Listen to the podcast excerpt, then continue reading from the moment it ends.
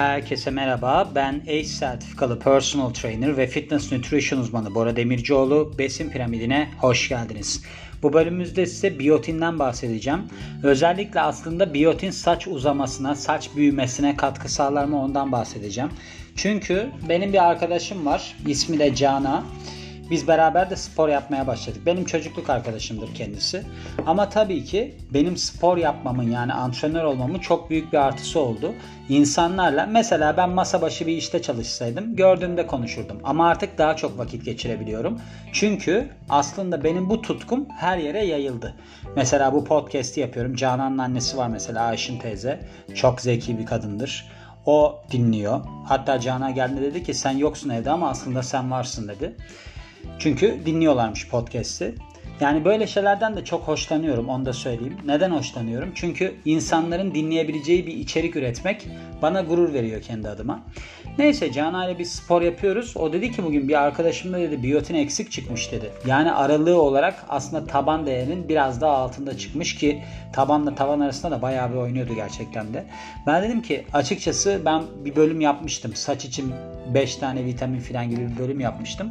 Dedim orada var o ama ben bunu dedim şimdi atmayayım yeni bir bölüm yapayım hani tamamen biyotinle ilgili olarak oradan dedim hani arkadaşına da yollarsın o da dinler ve şimdi yapıyorum Hasta saat gece 2 oldu ama ben bunu belki de şimdi yayınlamam. Sabah yayınlarım bilmiyorum.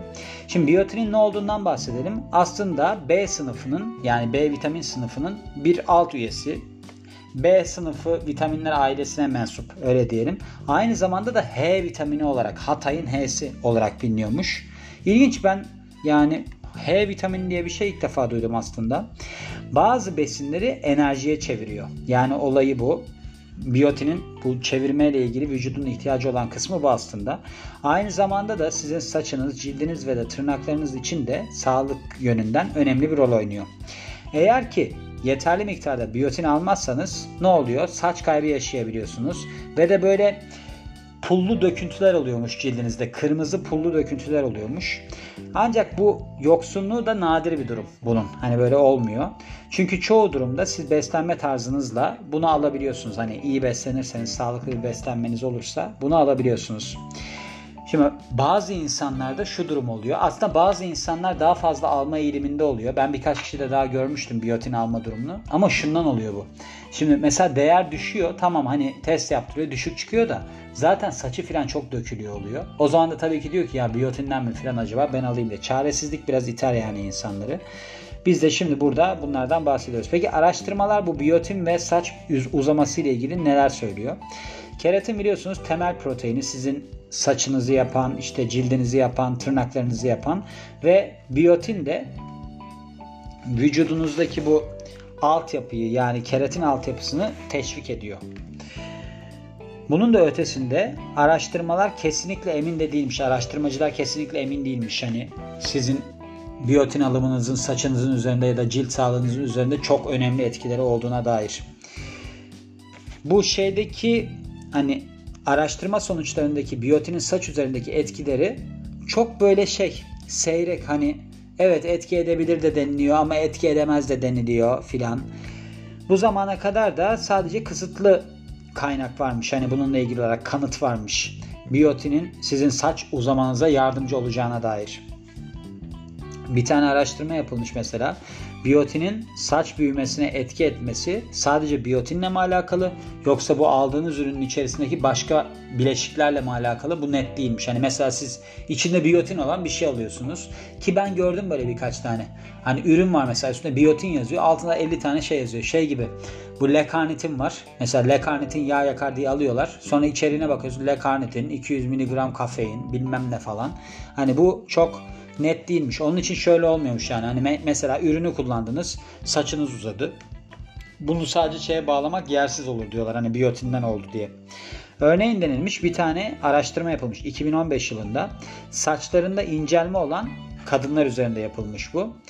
Burada biyotin ve diğer şeyler içeren, diğer bileşikler içeren bir ürün verilmiş ya da placebo verilmiş kendilerine. Yani Hani bir şey verilmiş ama bir işe yarayan bir şey değil. Placebo biliyorsunuz. Bu da 90 gün boyunca günde iki kez verilmiş.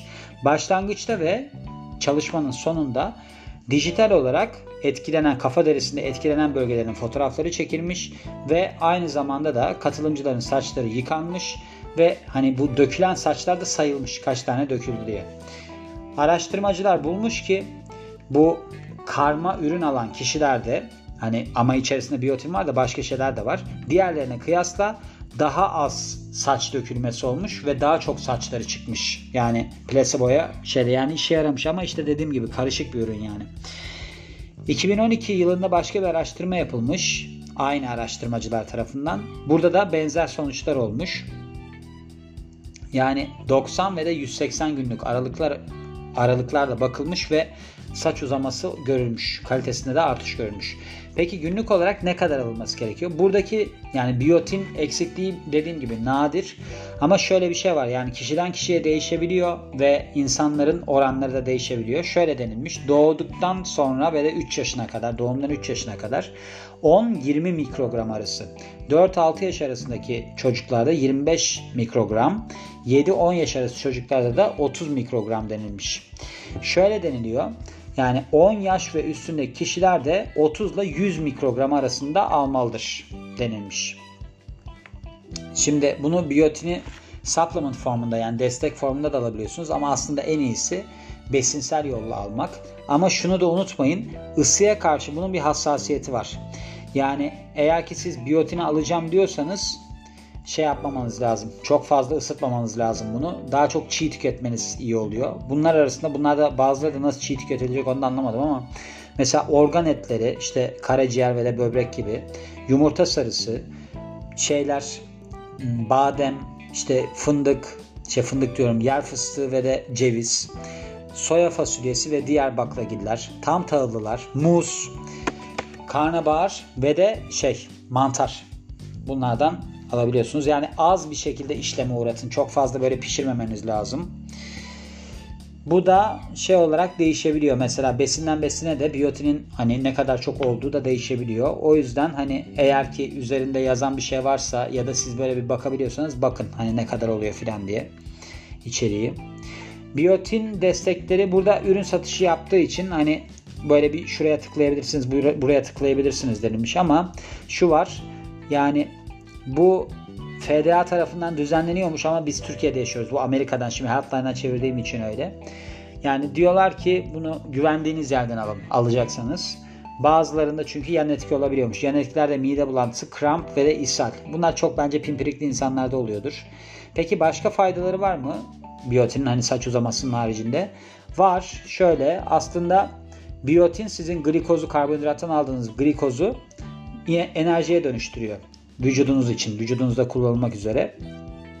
Aynı zamanda da mesela enflamasyonu düşürme, beyinsel fonksiyonlarda iyileşme, kan şekerini şeker hastalığı olan kişilerde düşürme ve de iyi kolesterol seviyelerini artırma ve kötü kolesterol seviyelerini düşürme özellikleri var.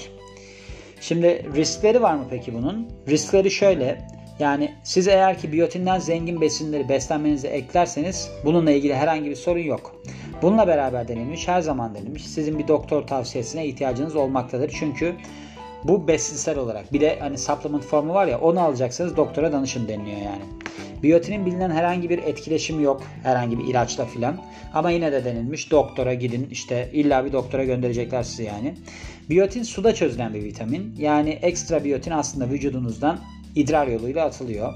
Bu yüzden de hani böyle bir overdose hani aşırı doz alma gibi bir durumda yaşanması zor bir ihtimal. O yüzden hani ben çok biyotin aldım acaba benim bir şey olur mu filan diye. Peki mesela biyotininizi artırdınız. Ne kadar zamanda sonuç alıyorsunuz? Hani ne yapmanız lazım? Ne kadar zaman beklemeniz lazım? Bayağı uzun bir süre bence. Bakın deminki deneyde 90 gün verilmişti. 90 günmüş. En az süresi, görülme süresi. Hani bu deminki testler vardı ya kadınlar üzerinde yapıldı falan. 90 gün minimum. Orada bir de 90 bir de 180 günlük bakılışlar vardı. Ya 90 gün değil de 3 ay falan. Yani insanın da aslında şu var. Saçım dökülüyor diye belirli bir noktada hani 3 ay boyunca düzenli diyet takip etmesi zor iş. Hani o açıdan da hiçbir zaman geri gelmeyebilir saçlar yani. O yüzden hani ben bu bölümü koydum ki aklınızda bulunsun diye. Ama bakın Şimdi şöyle söyleyeyim size. Bakın dozajlarını falan her şeyini verdim. Şimdi şöyle söyleyeyim. Bu aslında böyle bir durum yaşanıyorsa mesela saçınız dökülüyorsa, tırnaklarınızda kırılma varsa, bir şeyler varsa, modunuz bozuksa, hani bir, bir durumlar varsa aslında burada bir yani yaşam tarzı ile ilgili bir değişikliğe gitmeniz gerekiyor demek ki. Çünkü insanlar şöyle düşünüyorlar. Hatta ben geçen gün Teoman'ın bir röportajını dinledim de o şey diyordu. Ben artık yürüyüşe çıkıyorum, spor yapıyorum filan. Çünkü yaş geçtikten sonra bu rak hayatı çok insana iyi gelmemeye başlıyor. İnsanın kendine dikkat etmesi gerekiyor. Şimdi orada tabii ki içki var, sigara var, bir şeyler var filan. Ama şu var. Mesela insanlarda da yani normal hayat süren insanlarda da belirli bir noktadan sonra hayatlarını ele alma gereksinimi olmalı. Yani ne olmalı? Mesela hani neden insanlar benimle spor yapıyorlar? Neden çalışıyorlar? Şöyle bir şey oluyor. Onlar gidip spor salonunda da çalışabilirler. Ama ben kompakt bir şekilde onlara bir şeyi sunuyorum. Ve ben kendim bir şey takip ediyorum. Mesela bugün hani başında bahsettiğim Cana geldi. Benim bizim yani ailece tanıdığımız insanlar yani benim annemin arkadaşları zaten. Sonra biz onlarla çocukları olduk. Sonra biz de arkadaş olduk filan.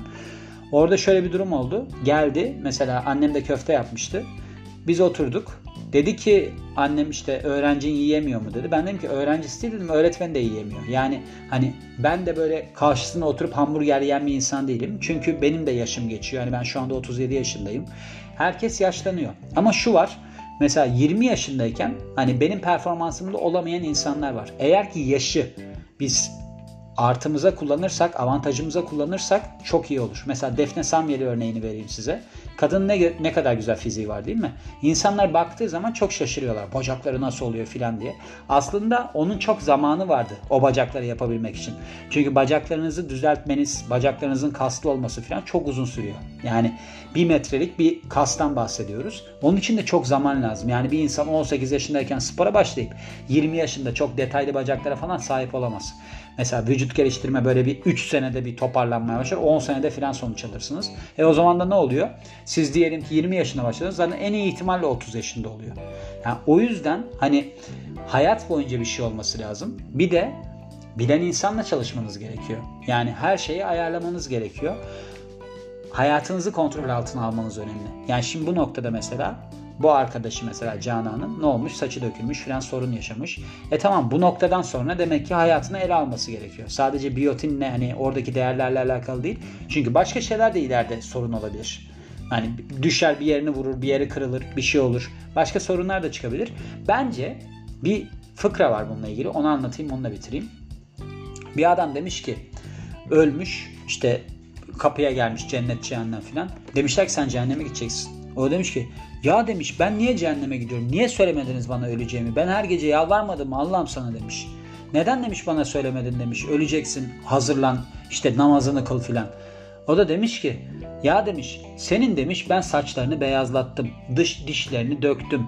Bak demiş iki büklüm yürüyorsun. Anlamadın mı artık öleceğini? Yani ben sana mesajları verdim. E şimdi vücudunuz da bazı mesajları verirken size siz bunu görmezden gelirseniz sadece işte demek ki benim şu değerim eksik, bu değerim eksik diye bakarsanız e, onu yaparken başka bir şey gider. Onun için tamamen ele almanız lazım. Yani her zaman söylediğim gibi kendimize saygı duymamız gerekiyor genel olarak her açıdan. Hani konuşulabilir bir insan olmamız lazım.